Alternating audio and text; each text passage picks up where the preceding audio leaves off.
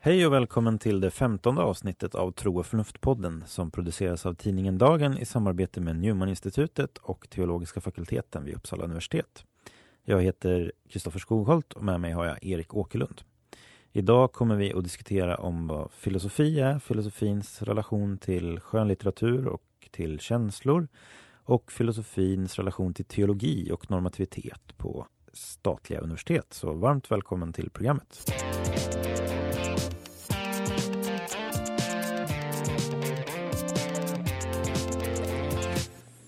Ja, i dagens eh, avsnitt av Tro och förnuft-podden så kommer vi att diskutera relationen mellan filosofi och eh, dels skönlitteratur, eh, vad känslor har för plats i filosofin och relationen mellan filosofi och teologi och i vilken mån man som eh, filosof på ett statligt universitet kan företräda någon form av livsåskådningstradition det man ibland eh, kallar för att liksom, ha en normativ, eh, ja, en normativ hållning helt enkelt till filosofiska frågor.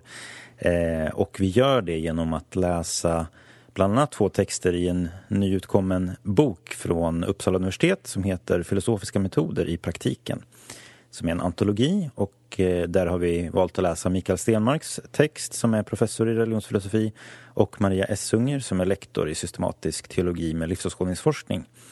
Eh, och de är sinsemellan ganska olika. Och utöver det så har vi också eh, Karin Johannessons text i boken Kritiska tänkanden i religionsvetenskapen och Mikael Eppersteins bok Lyrical Philosophy or How to Sing with the Mind.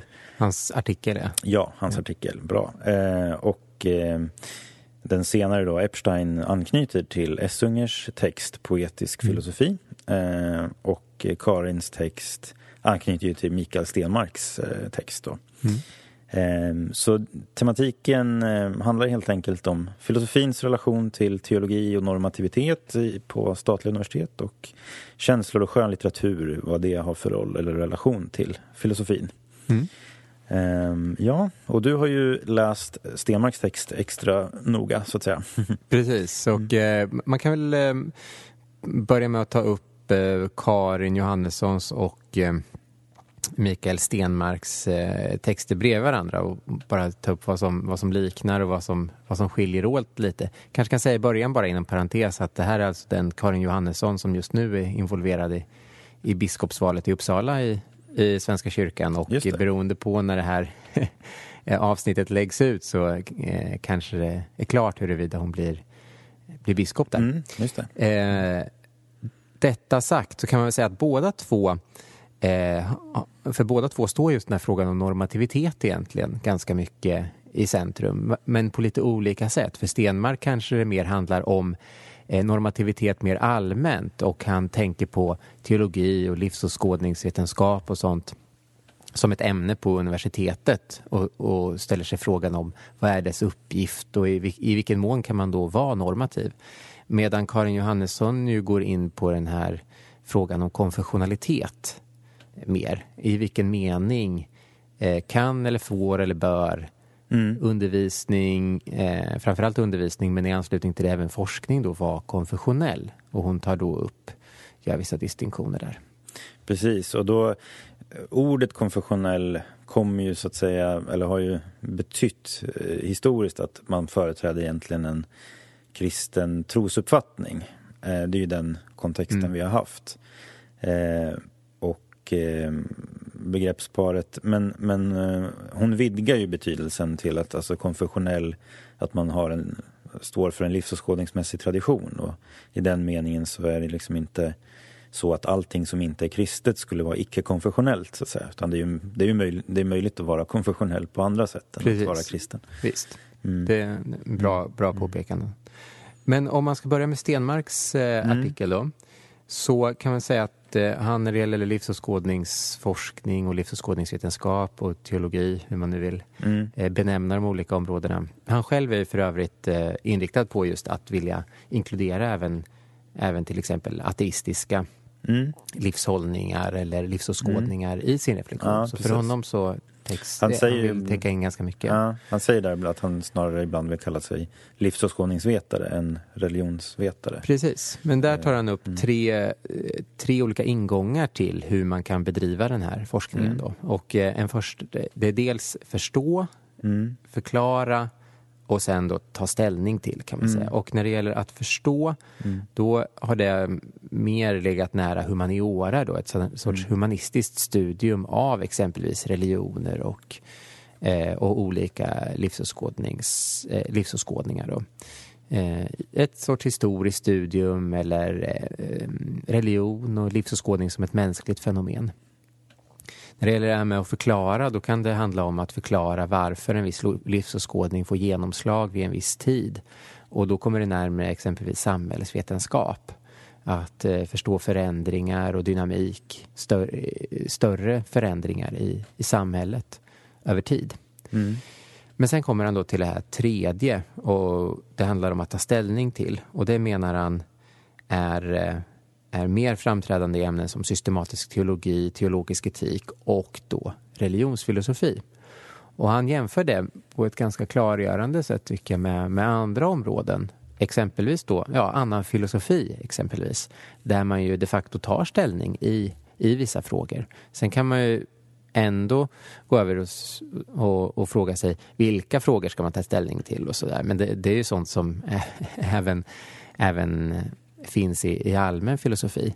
Men det är självklart att, att det finns någonting normativt att säga där och att det exempelvis utifrån en argumentationsanalys eh, eh, så kan även man som forskare och som vetenskapsman eh, eh, uttala sig om huruvida ett resonemang håller eller vad som är om det finns några spänningar inom, inom någon uppfattning och, och vad som då skulle vara mer grundläggande för den eh, livssynen och, kanske, och eh, respektive Mm. vad som är mer, mer perifert och sådana frågor. Mm. Man kanske kan eh, liksom pausa där och fundera lite på varför skulle det här kunna vara ett problem? Liksom vilka, under, vilka, vilka, under vilka antaganden skulle det kunna vara ett problem att man är normativ? Så att säga? Ja, en en sån, um, ett sånt problem skulle, man, skulle vara om man har en väldigt tydlig uppdelning mellan fakta och värde. Eh, fakta å ena sidan och värde å den andra. mm, Eh, då skulle man kunna tänka sig att man på universitet och som vetenskapsman bara beskriver hur verkligheten ser ut. mm, Eh, medan om man ska uttala sig om hur det borde vara eller om någonting är fel, då har man gått över på värderingar och det hör Ja, till det det. privata livet. mm, Eh, och, och hör till känslor och sånt där. mm, Och det skulle kunna vara, och har varit, en, en ingång till, till att man har den uppfattningen att man inom, eh, inom religionsvetenskap eller teologi inte då ska vara normativ, Nej, utan deskriptiv. Nej. Och det går tillbaks lite, kan man ju säga, på den väldigt speciella historien för just teologi och religionsvetenskap i Sverige, någonting som ja. ju mm, ligger bakom Precis, så om, resonemangen i de här om, om Hedenius och, och den debatten på 50-talet är liksom ganska central för eh, så att säga, teologin och religionsvetenskapens eh, självförståelse och diskussion om sig själv så, att Mm. säga, så kommer jag också tänka på Axel Hägerström som, som blev professor i Uppsala i Mm. praktisk filosofi var det va? Mm. Eh, i början av 1900-talet och han höll ju en eh, installationsföreläsning som hette Om moraliska föreställningars sanning. Mm. Och där driver han ju tesen då att, att eh, filosofin kan inte vara en lära i moral utan bara en lära om moral. Alltså vad, liksom helt en rent deskriptiv Mm. aktivitet. Så Just. det har ju funnits, men det verkar inte vara så utbrett inom filosofi i Sverige idag? Eller vad skulle du, finns det en sån att man bara får vara deskriptiv på filosofi, inom filosofin? Eller vad är din... Oj, det är en bra eh, fråga. Ehm, man har ju den här ehm, ändå någon form av föreställning att man måste skilja mellan fakta och värde i alla fall. Men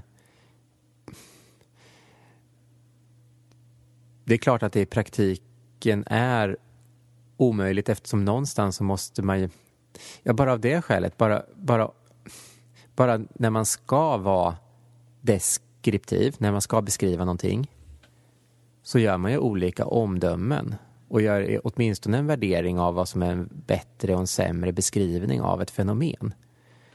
ehm,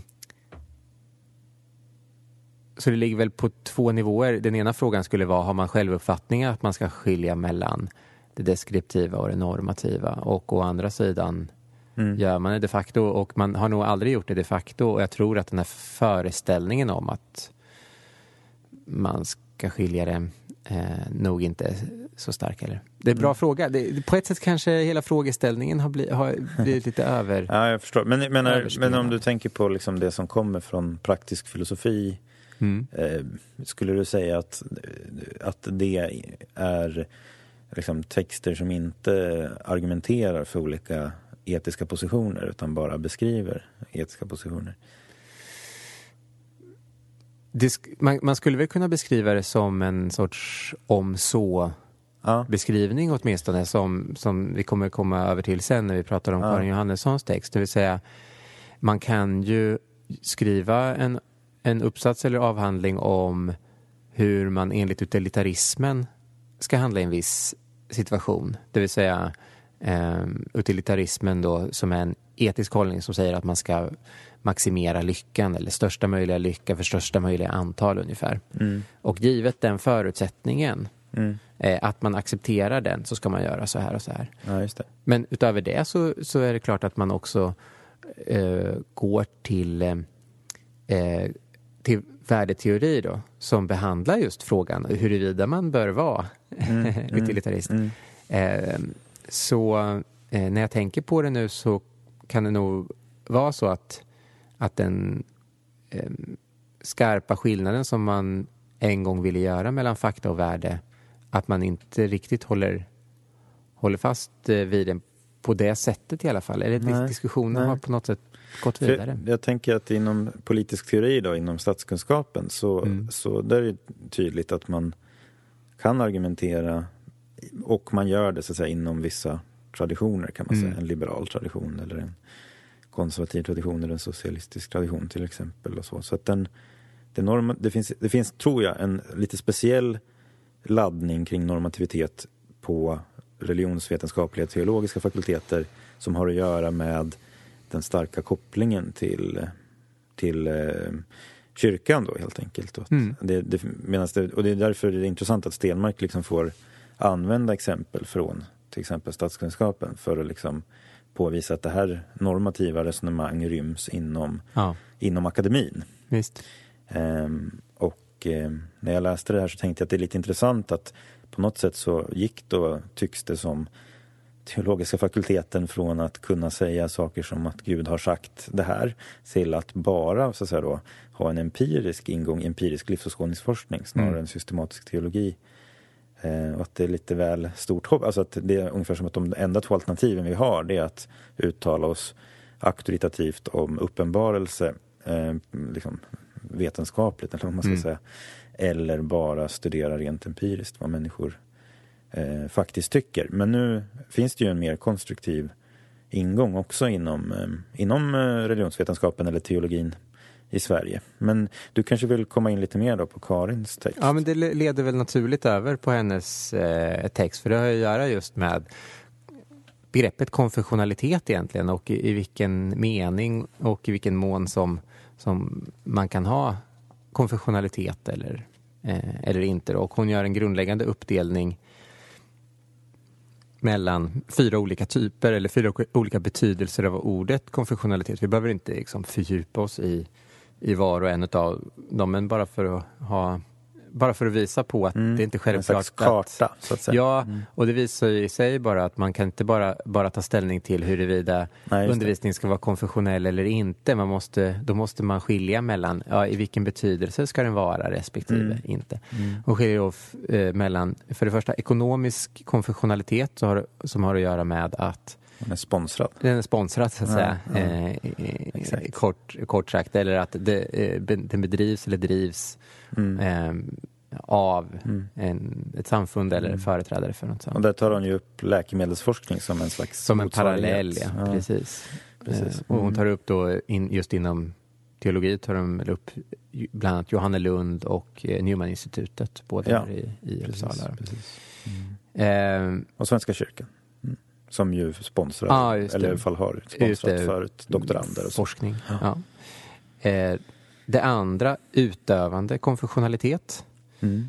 Eh, en tredje, innehållslig konfessionalitet, där det då kan handla om att innehållet eh, är relevant eller intressant på olika sätt för, eh, för någon konfession eller någon mm. livsåskådnings eller mm. religionsinriktning. Mm.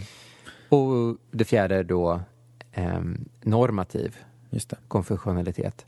Där hon då skiljer, för, för att eh, ta upp den här tråden med om så konfessionalitet, där hon skiljer mellan om så konfessionalitet i den meningen å ena sidan och å andra sidan inte så konfessionalitet. Där hon ju menar, bara för att, för att säga hur hon tar ställning i, i några konkreta frågor, där hon menar då att om så konfessionalitet är helt okej okay att bedriva exempelvis också på ett um, statligt universitet mm. där man har en sekulär stat. Mm. Och om så konfessionalitet handlar, eh, om jag förstår det rätt, mer om en sorts konstruktiv eh, förhållningssätt till en viss tro, trosuppfattning där man tänker med den och ger, ger förslag på hur man kan tänka konstruktivt inom den. Ja. Medan inte så konfessionalitet sätter vissa fasta ramar för vad man får eh, tänka och, och håller sig att säga, inom den mer, mer tydligt där de menar att det skulle vara problematiskt på Ja, exakt. På, uh, och hon har ju ett ganska bra uh, hon har en ganska bra, tycker jag, beskrivning eller definition av skillnaden där mellan inte så och om så. Mm. Jag, jag, jag, läser upp den tänker jag för att uh, den är ganska klargörande. Så på sidan 63 eh, då, i den här boken Kritiska tänkanden i religionsvetenskapen där hennes text ingår. Jag kanske ska säga det, jag tror inte vi sa det, men hon är ju lektor i religionsfilosofi vid Uppsala universitet ja, det. och det är ju hennes ja. profession och studierektor där. Sen så kan det hända att ja. hon blir biskop. Mm. Ja, då så skriver hon så här då på sidan 63. I den om så-konfessionella religionsvetenskapen klargör man att man i ett visst resonemang förutsätter ett visst eller vissa livsåskådningsmässiga antaganden som man hämtar från en viss konfession. Man tydliggör att dessa antaganden kan avvisas och att den slutsats som man drar är beroende av att man förutsätter de antaganden som resonemanget vilar på. Detta sker bland annat genom att man seriöst diskuterar andra möjliga antaganden och därigenom visar sig beredd att ifrågasätta den utgångspunkt som man har valt. Ehm, och då skiljer det här från en inte så konfessionell ehm, och det här skiljer då från ett inte så konfessionellt religionsvetenskapligt eh, arbete där vissa antaganden så att säga, då, ger, som hon säger, då, en principiellt privilegierad ställning. De kan inte avvisas under några villkor, så att säga. De blir egentligen inte eh, det blir inte relevant att lyssna till kritik emot dem och så. Men, men det intressanta här tycker jag är då att man kan jobba inom en tradition och ha principiella eh, principiellt, eh, vad säger hon, som, som kan ha privilegierade antaganden som hon säger. Alltså, låt säga att man till exempel jobbar med en etisk teori som eh, eh, förutsätter alla människors lika värde. Och sånt där. Det är inget mm. problem. Men du måste samtidigt vara eh, du, den här, det här antaget har ändå en viss sår, måste ha en viss sårbarhet gentemot andra möjliga utgångspunkter och sådär. Mm. Eh, så jag tycker att jag gillar den här distinktionen mm. mellan inte så och om så. Eh, och och tycker den är väldigt användbar liksom, för att begripliggöra så att säga, olika mm. sätt att, att resonera kring. Mm. Jag tycker att den på ett sätt är, är, ehm, är, är ehm, vad ska man säga, fruktbar eller, eller givande. Jag tror att jag hade lite svårare kanske att exakt förstå eh, vad skillnaden består i utifrån kanske också att Eh, Eh, i, visst, i en mening, och nu eh, formulerar jag det nästan, eller tänker jag på det nästan när jag, när jag formulerar det här, men i en mening så är det så att man måste ändå kunna säga att vissa eh, satser eller vissa grunder hör ovedersägligen till en viss trosuppfattning eller en viss trosinriktning eller en viss världsåskådning. Ut, och utan dem så skulle det inte vara den. Att säga. Vilken ställning har den typen av, av uh, uppfattning då. Men, det, mm. ja. ja det så jag tänker mig att det, det, mm. mer har att göra med ett sorts förhållningssätt då um, från, uh, alltså gentemot um, om det är en undervisningssituation gentemot studenten då, att man ju inte förutsätter att den eh, måste förutsätta att den accepterar Nej. eh, vissa för att kunna undervisa och det tycker jag är, är rimligt. Men däremot kan man ju, kan man ju hävda att det hör ovedersägligen till eh, islam att Koranen är dess eh, heliga bok, Ja. exempelvis.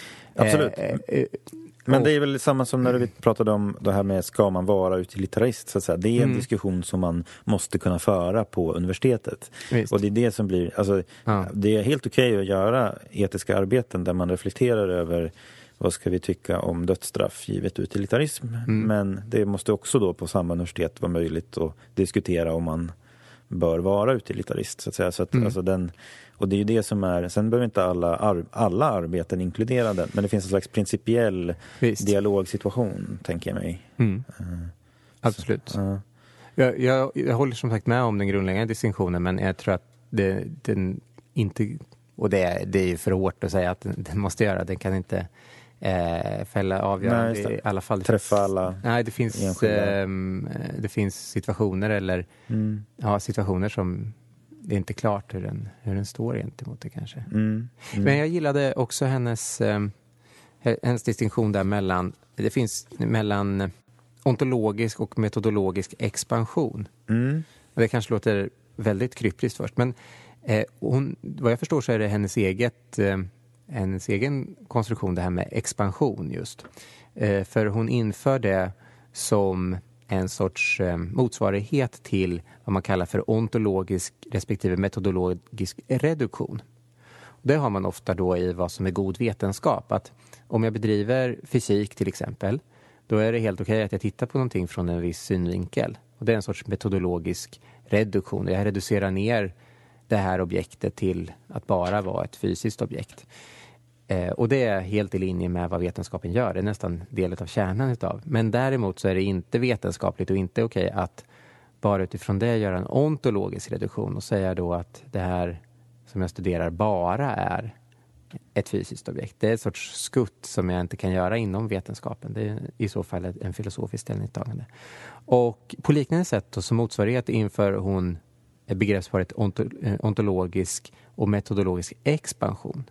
Där hon, om jag förstår den rätt, menar då att eh, det är helt okej att i ett vetenskapligt sammanhang när det gäller teologi eller religionsvetenskap då göra en metodologisk expansion.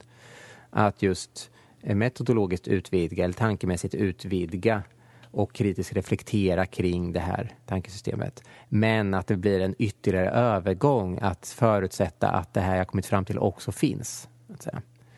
Eh, Så det är ju, och det har ju att göra med den här om så respektive inte så. Ja, just det. Eh, Mm. Precis. Men jag själv, eh, på, på, någonstans så ty- tycker jag ändå att man kommer in, om jag ska vara lite kritisk, eh, på något sätt tycker jag ändå att man kommer in i slutändan lite snett i frågan eftersom man på ett sätt vill gå ifrån just den här dikotomin eh, Mellan- mellan, fakta och värde eller den här dikotomin Ja. som man har ställt upp. Mm. Mm. Men, men har svårt att göra det för att det hela tiden finns där i bakgrunden ändå. Och jag kom att tänka på, just när det gäller teologi, religionsvetenskap och sånt, Mm. eh, ett citat från Jo- John Henry Newman. Mm. Eh, Som levde i slutet på 1800-talet. på 1800-talet och som har givit namn då åt Mm. Newman, Mm. eh, Newman-institutet. Eh, Och han, Kardinal. Mm. kardinal Mm. och eh, salig förklarad. Han börjar sin bok om dogmats utveckling eh, på det här sättet. Alltså han skrev en bok om hur den krist, kristna läran har utvecklats över tid. Och han börjar den, om jag, i min egen eh, översättning då. Citat, kristendomen har funnits länge nog i världen så att vi kan behandla den som ett faktum i världshistorien. Eh, dess anda och karaktär, dess dogmer, föreskrifter och ändamål kan inte behandlas som privata uppfattningar och slutsatser såvida vi inte också ska behandla Spartas institutioner och islam på samma sätt. Slutcitat. Och lite längre fram säger han eh, Kristendomens hem är, är i världen och för att känna till vad den är måste vi söka den i världen och höra världens vittnesbörd om den. Slutcitat. Det vill säga, frågan om... Alltså, teologi kan man förstå exempelvis som en intellektuell reflektion över den kristna tron. Och för att fastställa eller komma in i vad kristen tro är behöver man naturligtvis inte acceptera den. med konversion eller accepterandet utav en annan världs världsåskådning eller en annan tro förutsätter ju att man kan förstå det utan att acceptera det. Och diskussionen om det förutsätter det också. Så när, vi bedriver teologi så kommer inte, Både ja och nej, inte, inte det in på, eh, på det sättet. Utan vad kristen tro är eh, har att göra med någonting som är eh, ett historiskt faktum och som man kan eh, också kritiskt eh, reflektera, eh, reflektera kring. Dem. För att ta ett grovt exempel. Om en muslim skulle säga att vedaskrifterna är islams heliga urkund så är det fel och om en ateist säger att Koranen är Mm. eh, islams heliga skrift så är det rätt. Säga. Nu är det lite oklart för mig vem du argumenterar emot. Ja, jag, jag skulle säga att, eh, eh, att ett, en, en historisk ingång till frågan, alltså en, en sorts eh, till frågan om eh, vad ett fenomen är, Mm. eh, omöjliggör den, grundläggande, den här grundläggande dis distinktionen mellan fakta, eh, fakta och värde. För en beskrivning av det är redan normativ, så att säga. Ja, Eh, okej. har med- har med det normativa Ja, göra. just det. Jag hänger nog inte helt med där. Men det är också lite oklart för mig vad kopplingen blir till Karin Johannessons text och Stenmarks text. Alltså, eh, Det, Mm. det är i grunden någonting som talar för att man, att man kan bedriva en sorts kritisk reflektion kring eh, konfessionalitet. Så det, det, kritisk och konstruktiv. kon, kritisk och Mm. konstruktiv, precis. Mm. Men, eh, men jag tycker att det är en, det är en ingång som, som mm, undviker många utav frågorna och Ja, inte, inte För jag tänker mig att det är intressant, alltså Stenmark använder ju det här uttrycket kritisk och konstruktiv granskning då. Och Mm. konstruktiv är ju ett, konstruktiv granskning är ju egentligen ett annat uttryck för att man tänker med traditionen så att säga. Och försöker eh, sätta den i dialog med olika typer av utmaningar som den kanske inte har varit i dialog med tidigare. Men, men man försöker fundera på hur, hur den här traditionen förhåller sig till det. Och det finns ju ingen som ifrågasätter att man kan ha en kritisk granskning av olika traditioner på universitetet. Så att säga. Utan den, här, den, den eh, något känsliga frågan då i vissa sammanhang är huruvida man kan också utveckla lösningsförslag på olika problem. så att säga. Men det finns väl ingen som hävdar att liksom den här tankearbetet skulle på något sätt pågå frikopplat från förståelsen av vad till exempel kristen tro är och att det är ett historiskt fenomen som har en kulturhistoria och liksom eh, det, är lite oklart för mig hur, hur den hur den liksom iakttagelsen kontrasterar mot till exempel Stenmark eller Johannessons texter. Ehm, men ja, Ja, det har väl att göra med att, att, det här med, med den enskilda personens inställning till de här trossatserna. Den, den frågeställningen kommer inte upp ens på samma sätt Ah, ja. om man har Mm. den, den ingången. ja, Eh, vissa eh, vissa i historien Mm. har anammat den här Mm. tron och andra, andra inte, Mm. så att säga. Och det blir aldrig en väsentlig fråga i själva reflektionen. okej. Eh, medan eh, mm, i, om man kommer in den här Mm. vägen och börjar med de frågorna mer så, så, så blir det en, Ja. en frågeställning. Ska, det är en intressant fråga. Alltså jag håller med till kanske 80 procent Mm. någonting. För jag tänker mig att Ja, men då har vi höjt det med Ja, ja verkligen.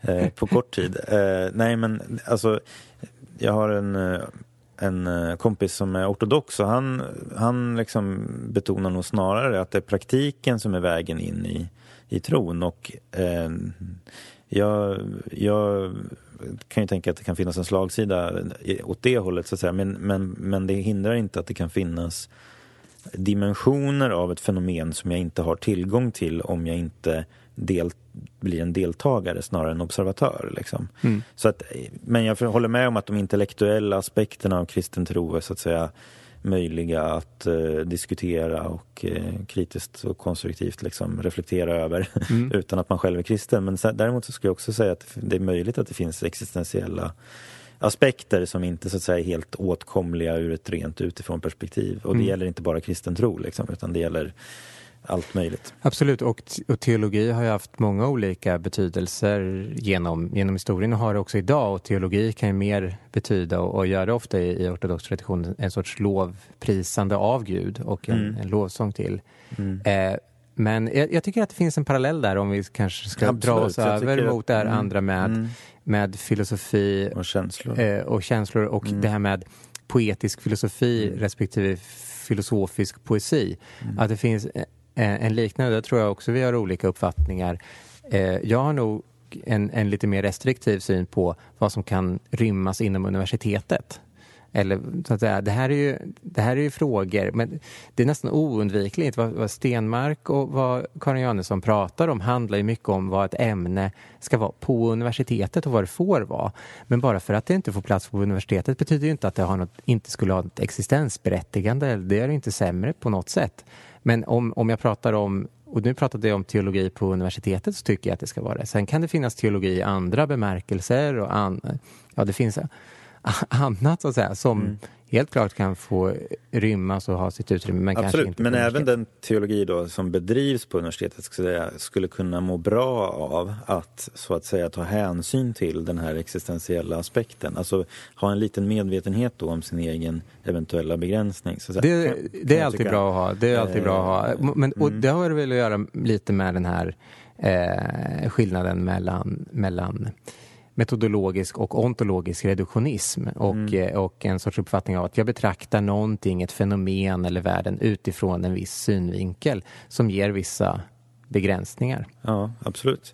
Eh, och precis, och när vi går in på de här andra texterna då, av Essunger och Epstein så är ju liksom frågan lite mer om filosofins relation mm. till om det förra handlade om eh, teologi och eh, filosofi och normativitet, eh, deskriptivt normativt, så är ju det här egentligen inte en fråga om deskriptivt och normativt men, men en fråga om filosofins relation till känslor och till skönlitteratur och, och, och sådär. Um, jag kan bara liksom kort säga om Karins begrepp där, ontologisk expansion, för det blev lite oklart för mig när jag läste det där första gången huruvida så att säga, hon alltid menar att det skulle kunna vara att det var problematiskt att liksom i, en slu, i ett argument komma till en slutsats som till exempel är att Gud finns. så att säga.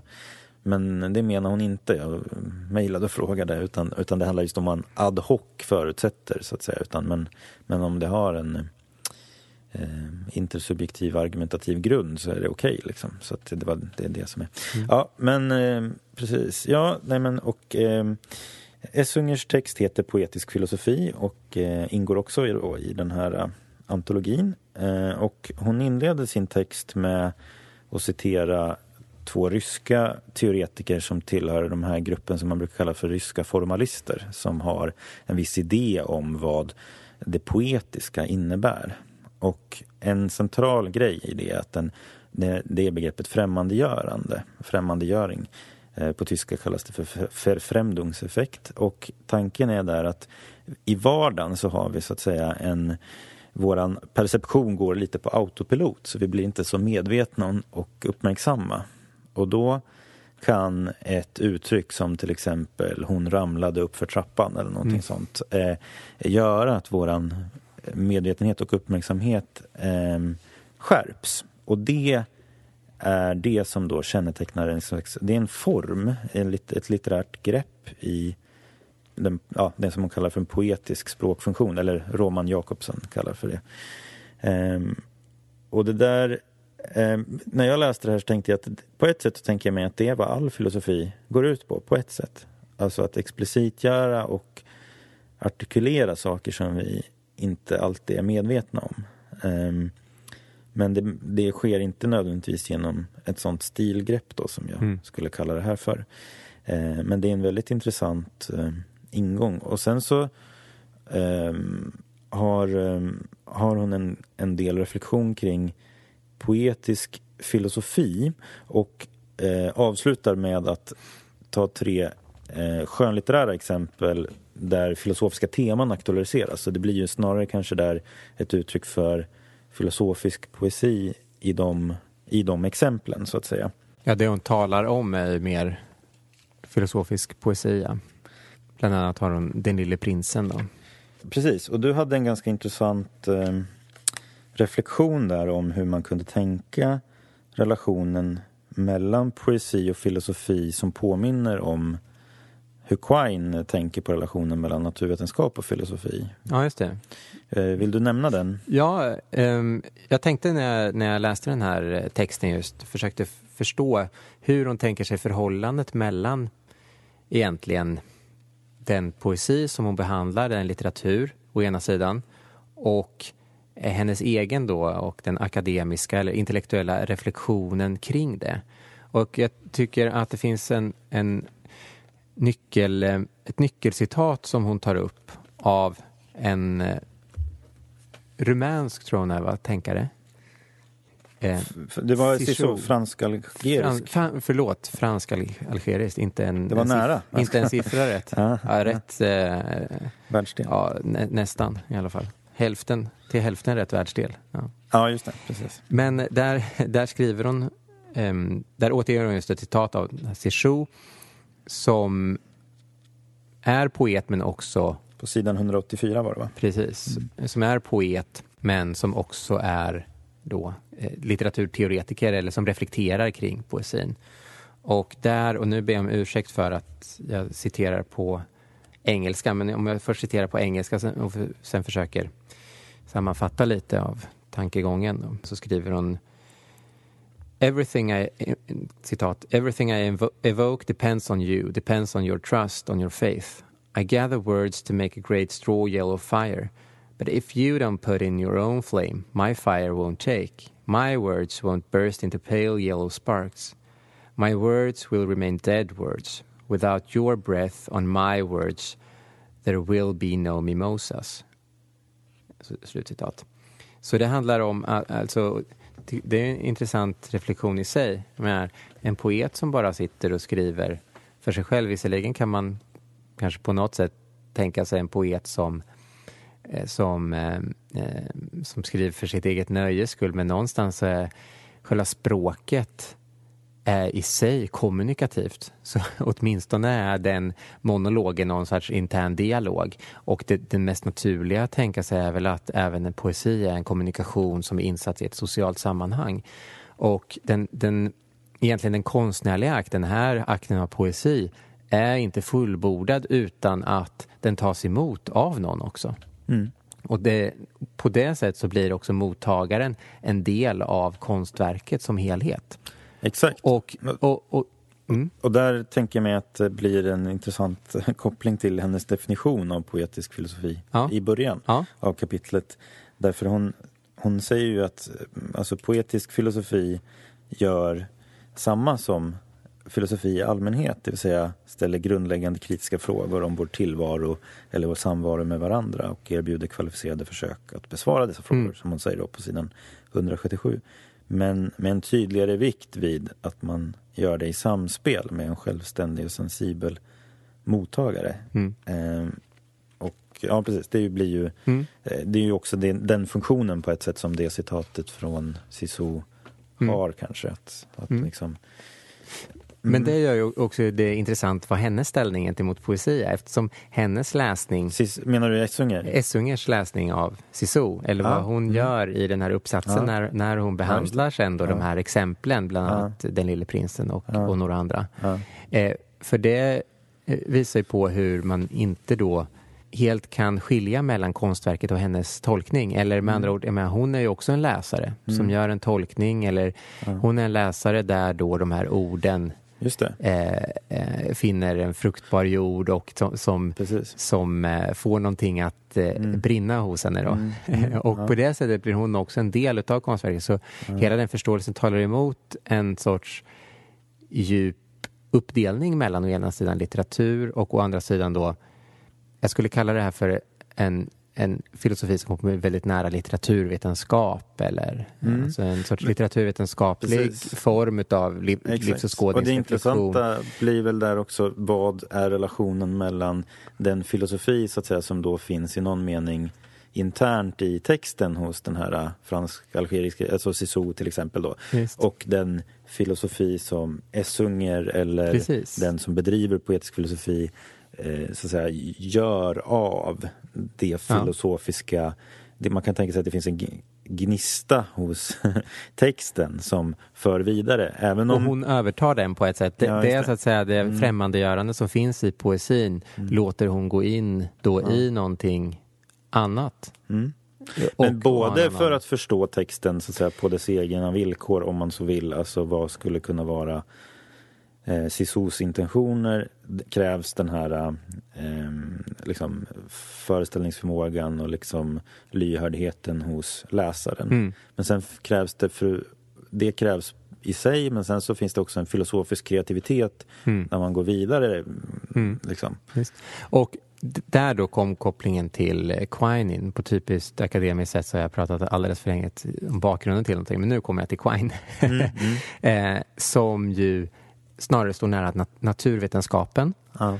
Och som dels menar att filosofin bör vara i grunden en reflektion över naturvetenskapen, dess förutsättningar, metod, ontologi i förhållande till naturvetenskap. Mm. Och i själva verket vara en förlängning av naturvetenskap och närmast bli en naturvetenskap. Mm. Och där såg jag en, då en, en koppling mellan, mm. å ena sidan här, att, att mm. filosofin blir en sorts förlängning av ja, litteraturen eftersom när den också ligger nära litteraturvetenskap. Mm. Eh, mot mm. på, på, andra hållet då inom analytisk filosofi mm. att mm. filosofin blir en sorts förlängning av naturvetenskap. Mm. Eller, eller Men menar Quine att filosofin är en förlängning av naturvetenskapen eller, blir det, eller är det en reflektion över verkligheten som är informerad av naturvetenskapen men ändå på en annan nivå så att säga? Eller är det liksom bara det är lite det är lite, liksom lite mer fysik. Ja, han, han ändrar sig väl lite äh, över åren också. Men om man tar en sån klassisk text som, som äh, den här om kunskapsteorins naturalisering så handlar ju den just om att vad kunskap är, är mer en faktafråga apropå ah, mellan mm. fakta och värde och sådär och normativitet deskriptivitet. Det, det är mer utav en faktafråga mm. och det är någonting i stil med kognitionsvetenskap mm. som som, eh, okay. det är genom det som vi kan komma åt vad, vad kunskap är. Okay. Det, man ska inte ha den där eh, på det sättet normativa Nej, jag kommer att tänka på, på det sättet så, så blir det. Jag kommer att tänka på Bernard Lonergan som jag alltid kommer att tänka på som ju skiljer på kognitionsteori och epistemologi. Alltså kognitionsteori är frågan vad är det vi gör när vi får kunskap. Mm. Epistemologi är frågan varför, är det, varför ger det kunskap. Så han, mm. han liksom har både den deskriptiva och den normativa frågan. Så att säga, mm. där. För, för, min egen del tycker jag att det är väldigt intressant att läsa så olika ja, jo, eh, filosofer mm. och Mm. Eh, det är någon som sa det att eh, filosofer gillar kognitiv dis dissonans, alltså de tycker om när det, när det skär sig lite. Och eh, jag minns att jag varit på, eh, på seminarier, eh, haft två olika seminarier mm. Eh, på en och samma dag. Den första med en som liknar mer Quine mm. och mm. har varit mm. väldigt inriktad mot det. Mm. Och en annan som liknar mer då Essunger mm. eh, och har varit inriktad på litteratur och sånt där. Men det, det jag ju tycker eh, är att det finns insikter i båda någonstans och den egna eh, positionen måste kunna någonstans inrymma ja, båda de här mm. eh, insikterna ändå. Mm. Det kanske också är lite åt Lonergan-hållet, att, att man ändå vill försöka integrera de här Mm. Eh, snarare än att ställa dem mm. mot varandra. Exakt. Jag gillar hans begrepp sublation som han inte har hittat på själv men mm. använder väldigt mycket. Men, men för att mm. komma tillbaka här till Essungers text ja. så, så äh, menar väl jag ändå i slutändan att man borde kunna upprätthålla en lite större... Ja, men eh, innan vi kommer in okay. på den frågan ja. så, så skulle jag vilja utforska lite vad jag ser som så att säga de styrkan med den här formen av filosofi som hon mm. skriver om. Och en, det finns två saker som jag slog, slog mig under, under läsningen. Då. Det ena var alltså förmågan för ett mer poetiskt eh, språk att gestalta filosofiska problem och filosofisk problematik så att säga deras existentiella angelägenhetsgrad mm. blir tydlig. Och, och, och, där menar jag, då blir man också en slags deltagare.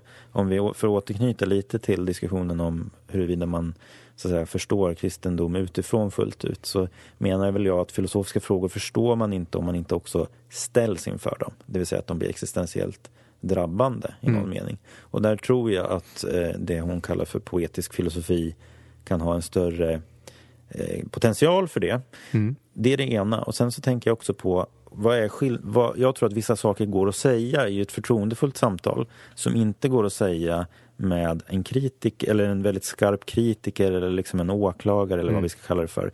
Och analytisk filosofi kan ju ha en tänkt åhörare som är så att säga allt annat än hermeneutiskt välvillig och inte riktigt så att säga försöker gå lite på det som antyds och liksom är, har en mm. lyhördhet.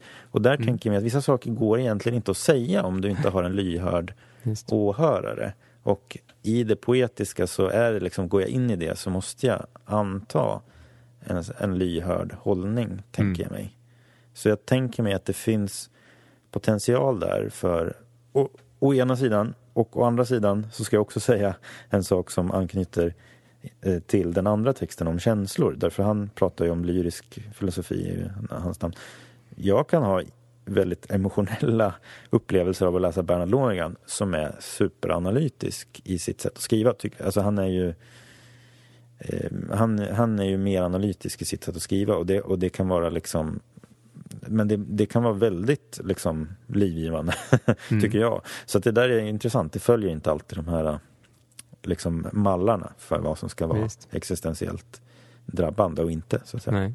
Jag tänker ibland eh, i och för sig på det här uttrycket intellektuell glädje. Det finns hos Thomas av Aquino och nu utgår han från en helt annan syn på människan och förståelse av människan än vad vi eh, kanske vanligtvis har idag. Men, men inte nödvändigtvis där... så stor skillnad mot Lonergan kanske? Nej, mm. precis. Och eh, där är det så att säga glädje när vi tänker på det mer dagligdags så där så skulle Thomas av Aquino se det som att det, det hör till ja, de lägre delarna av av eh, människan eller hör till att få ett, ett mål god mat. Det är inte att förakta men det är ändå något, kanske lite mer eh, vardagligt och enkelt. Men han tänker sig också att det finns en annan typ, eller han tänker sig att det finns flera olika typer av glädje och en typ av glädje hör just till glädjen i själva det intellektuella, den intellektuella aktiviteten. Att det, det där till det låter ju väldigt aristoteliskt eh, också. Ja, men, visst, men, absolut.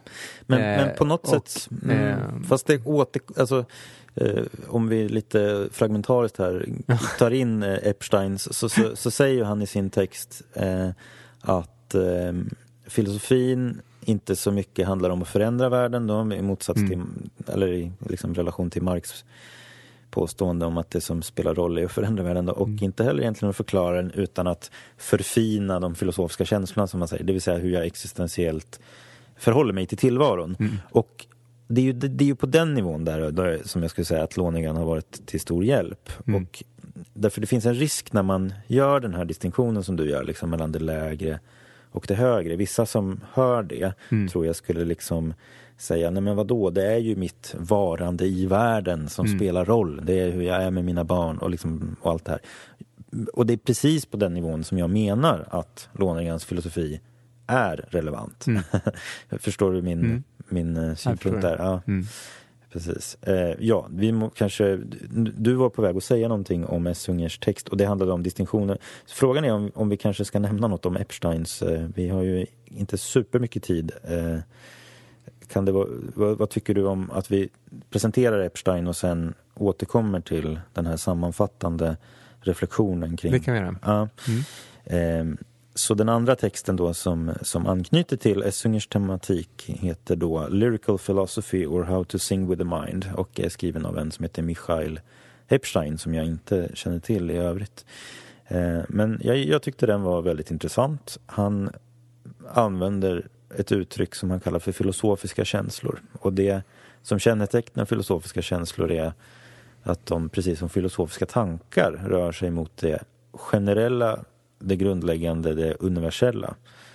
Eh, och han har en ganska bra distinktion där då, att säga att, att man är lite frustrerad över att man inte eh, fick eh, en sak gjord på eftermiddagen, det är liksom ingen filosofisk känsla.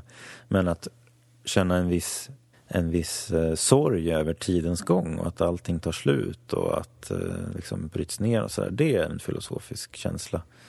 Eller att vara lite irriterad på grannen är ingen filosofisk känsla men att sörja över mänsklig ondska, så att säga, är en filosofisk känsla. Så jag, jag gillade den och, och, just att han säger att filosofi är kärleken till vishet och det tyder på att den inte bara är en ren tankeverksamhet utan att den också är en eh, liksom affektiv eh, verksamhet. Mm. Eh, ja, jag gillade, jag gillade texten. Det var som att den satte ord på saker som jag redan tycker, kan man mm. väl säga. Så att, eh, det blev lite som att dra av en sån här plastfilm. Det, var liksom ingen, det gick väldigt lätt liksom att, mm. att integrera i, i, sin egen, i sitt eget perspektiv. Då. Mm. Ehm, ja, vad, vad, har du för eh, reflektioner inför texten? Mm, jag var kanske inte lika positiv. Jag tycker att just den ingången gör det lite för brett. Eh, alltså det, det, det, finns ju en, en kritik, bo, eh, både lite grann hos eh, Essunger men ännu mer hos Epstein som jag eh, uppfattar det mot den filosofiska traditionen som har blivit för torr och som har uteslutit stora delar av människan och så vidare. Och det, kan jag, det kan jag hålla med om eh, i stora delar. Men hans ingång till, till det blir eh, för brett. Jag kan inte se att det sätt som man pratar om såna här universella känslor då skulle behöva i sig ha någon eh, ha att göra specifikt med filosofi eller att ha med filosofiska känslor. Speciellt inte eftersom det ska ställas i relation till den specifikt, egentligen den väst, västliga filosofiska traditionen som man ger en kritik av. Eh, varför är det inte en religiös känsla? Den typen av eh, sorger också. Och ja, då kan man säga, det kan det också det, vara. Exakt. Ja, men precis, det är det som är, och det, det är Fast, så att säga min, ja. min poäng att, att det, blir eh, den ingång han det blir för brett, har eh, blir, eh, blir då för Fast jag skulle nog brett. säga att man religiösa säga att, att det har att göra frågor är ju och man behöver filosofiska. In... Ja, men precis. Man, men det har att göra med så det, det, det, kommer min, min eh, jag säga, då, den eh, lilla invändning jag har också mot Essunga då. Det har att göra med, absolut. Man får inte tänka sig att för att vi delar in saker och ting så har vi gjort någon form av grundläggande uppdelning av världen i olika boxar som aldrig har med, med varandra att göra. Det är det som är problemet. Och det, den här ontologiska reduktionismen eller, eller då att, att man tänker sig att nu har vi delat in å ena sidan det där, och å andra sidan det där andra och de måste hållas strikt separata och, och de tu får aldrig mötas. Men, men eh, att lösa det problemet eh, man kan inte lösa det genom att, att bara blanda allt huller om buller. Man kan, ha, man kan göra distinktioner utan att tänka sig att det finns eh, finns jätteklara gränser. Till exempel, pris, jag brukar ta exemplet färger. Att det finns en distinktion mellan rött å ena sidan och blått å andra sidan. Även om det också finns lila som ligger i gränslandet och vi inte alltid kan säga exakt när det övergår från rött till blått och så vidare. Och de har med, absolut med varandra att göra. Eh, och liknande här då. Jag kan hålla med om att det kan få komma in mer känslor i, i eh, i filosofi men eh, det blir alldeles för brett att definiera en, en känsla som har med något universellt att göra i sig som, som filosofiskt. Det kanske leder till eh, eh, leder till till exempel en filosofisk reflektion. Eh, och lik, men, lite liknande men... då med Essunger att även, även om man inte alltid kan se var litteraturen slutar och, och, och eh, filosofin börjar så är det ändå någon, det är en sak att att säga, skriva ett skönlitterärt verk, att skriva poesi. Och det är en annan sak att reflektera över det i den filosofiska traditionen och med filosofiska om, om man tar en sån... Jo men absolut, men nu måste jag komma in här och respondera ja. lite på, på, på de här reflektionerna. Ja. Eh, jag håller eh, jag håller så att säga med om att, och jag tror inte att Essunger eller Epstein så att säga skulle vilja sätta ett likhetstecken mellan skönlitteratur och filosofi. Eh, och ap apropå vad han pratar om, Epstein, där om vad filosofins uppgift var, så att, säga, att, att bearbeta de filosofiska eller kultivera de filosofiska känslorna så handlar det liksom om att existentiellt förhålla sig till världens grundläggande natur. Och att ha en filosofisk känslighet är också att kunna bli emotionellt drabbad av sin världsbild, så att säga. Och inte bara av sina vardagliga händelser. Eh, och en skillnad gentemot mellan filosofi och poesi, tänker jag, är att filosofin är, eh, har en, står under en annan eh, har ett annat ansvar eller står under en slags obligation. Jag vet inte vad ett bra uttryck på svenska skulle vara. Eh, men är liksom under det finns ett krav på filosofin. Har ett annat uppdrag? Ja, ah, men det är inte riktigt alltså, Ja, precis. Eh, den har ett annat uppdrag, den har ett annat åtagande. Liksom mm. ett annat, och, och det, det gör den helt enkelt att filosofin och de eh, känslor och det existentiella förhållningssätt som är filosofiskt är så att säga sårbart för fakta på ett annat sätt än vad eh, en estetisk erfarenhet är. Av, eh, och där tänker jag att det finns en viktig skillnad mellan poesi och filosofi. Eh, men apropå bara det du förut pratade om religiösa känslor. När jag läste hans eh, beskrivning då på sidan 207 om olika typer av filosofiska känslor så pratar han om filosofisk avsmak för ytlighet till exempel. Eller filosofisk ilska över en orättvis värld och filosofisk ångest och sen filosofisk liksom eh, torment, alltså plågande. Alltså det, det, är ju, ja, det är jättereligiösa känslor och jag tror att en autentisk religiositet måste så att säga alltid ha en ingång via de här känslorna. Jag har väl en tendens att tänka på att religion eller teologi så att säga får en sublationsrelation till filosofi. Eh, precis som filosofi har en sublationsrelation till eh, naturvetenskap och annan typ av kunskap. Men att klargöra vad man kan säga är ett slags grundläggande filosofiskt förhållningssätt som också är emotionellt laddat. Det är vad jag uppfattar att han gör. Eh, så jag, så jag, jag, jag, ser väl men jag, ja, så jag ser inte riktigt att det är ett problem att de här känslorna också så att säga kan tematiseras som religiösa. Eh, lika väl som filosofiska. För att jag tycker att det finns en, en väldigt nära relation mellan religiositet och filosofi. Mm. Eh, så, framförallt när det handlar om att hur är världen ytterst. Liksom. Mm. Eh, ja, jag avbröt dig lite så nu får du ta upp tråden igen om du... Nej, jag har ja. nog, eh, vi, vi, har nog olika uppfattningar om, ja. eh, om det här helt enkelt. Ja, vi kommer fram till lite olika slutsatser beroende på hur vi tänker mm. på eh, relationen mellan exempelvis eh, mm. religion och filosofi kanske och filosofins Mm. Eh, Men du har inte någon, du skulle inte säga att du har en tydlig, eller har du det, liksom en tydlig definition av vad filosofi är och att du liksom därför kan liksom klargöra att nej, men här hamnar utanför och så? Det finns ju lite olika ingångar till frågan om vad filosofi är och den, det, så som jag tänker och det som jag eh, menar är den eh, den bästa när det gäller vad, vad, vad, det grundläggande sättet att komma in till det är är precis som egentligen med religion ett historiskt eh, förhållningssätt till det. Eh, och eh, ett av skälen till det är att eh, om man börjar med en mer essentiell ingång, det vill säga man uppställer vissa kriterier för vad, eh, vad eh, filosofi är. Då kommer man bland annat in på frågan hur man ska klassificera sånt som österländska traditioner som taoism och, eh, och buddhism och sådär. Och när man börjar på att titta på det där så inser man hur otroligt formad eh, vad filosofi är och hela det filosofiska det vi kallar då för det filosofiska samtalet är utav den tradition det står i. Och Sokrates är ju någonstans här en sorts, en sorts ehm, eh, fokusperson, eller central person. Alla, alla filosofer egentligen, alla som har kallat sig filosofer i den här, om vi kallar det för den långa västerländska filosofiska traditionen, har menat att Sokrates är ett paradigmatiskt exempel på vad en filosof är. Eh, alla har velat på ett sätt ansluta till, till honom.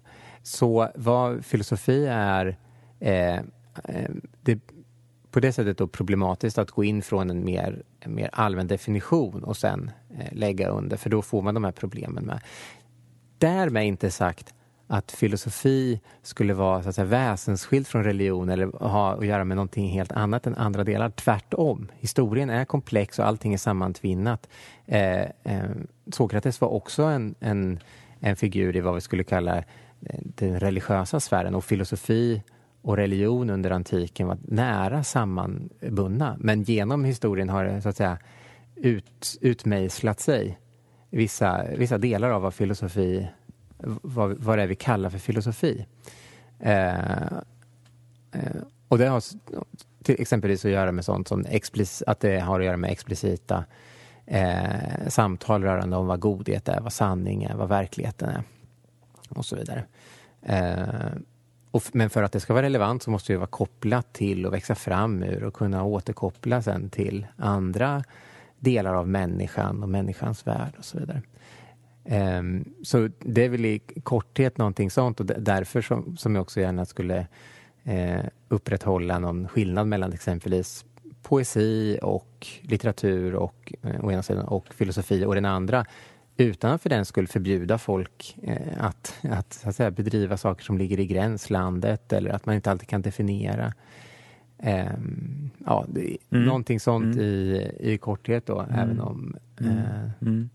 Men jag uppfattar kanske inte riktigt att det är någon som, av de texterna som så att säga, vill definiera filosofi som skönlitteratur eller vill definiera filosofi som um, ja, det, det, jag uppfattar det mer som att här finns det filosofisk relevans. Mm. Så att säga. Mm. Men, men ja, ja precis. Uh, men det här är ett ja. ständigt pågående samtal, precis ja, som filosofin. Ja, jag tror att ja. Jo, men absolut. Vår, vår tid för idag börjar på, det... eller har egentligen redan ja, exakt. slut. Och vi får nog anledning att återkomma till Precis. Den här, ja, så, så är det ju definitivt. Absolut. Um, och det är, ju, det är ju sinsemellan ganska olika texter som vi har läst då. Verkligen. Um, mm. det, Karin och uh, Mikaels texter är tydligt analytiska och uh, ja, Essunger och uh, Epstein rör sig i alla fall i dialog med en mera kontinental tradition. Um, men jag gillade dem alla, så att säga. Man måste inte välja en en tradition som tur är. Man kan låta sig berikas av mm. olika. Och okay. förra gången sa vi att vi skulle läsa Ratzingers eh, introduktion till kristendomen till idag. Men den blev lite försenad från förlaget så vi sköt upp det till nästa gång. Eh, så att eh, då har vi det att se fram emot helt enkelt. Mm, den ja. som väntar på något gott väntar aldrig Exakt. Mm. Tack så mycket för idag. Ja. Hej då. Hej.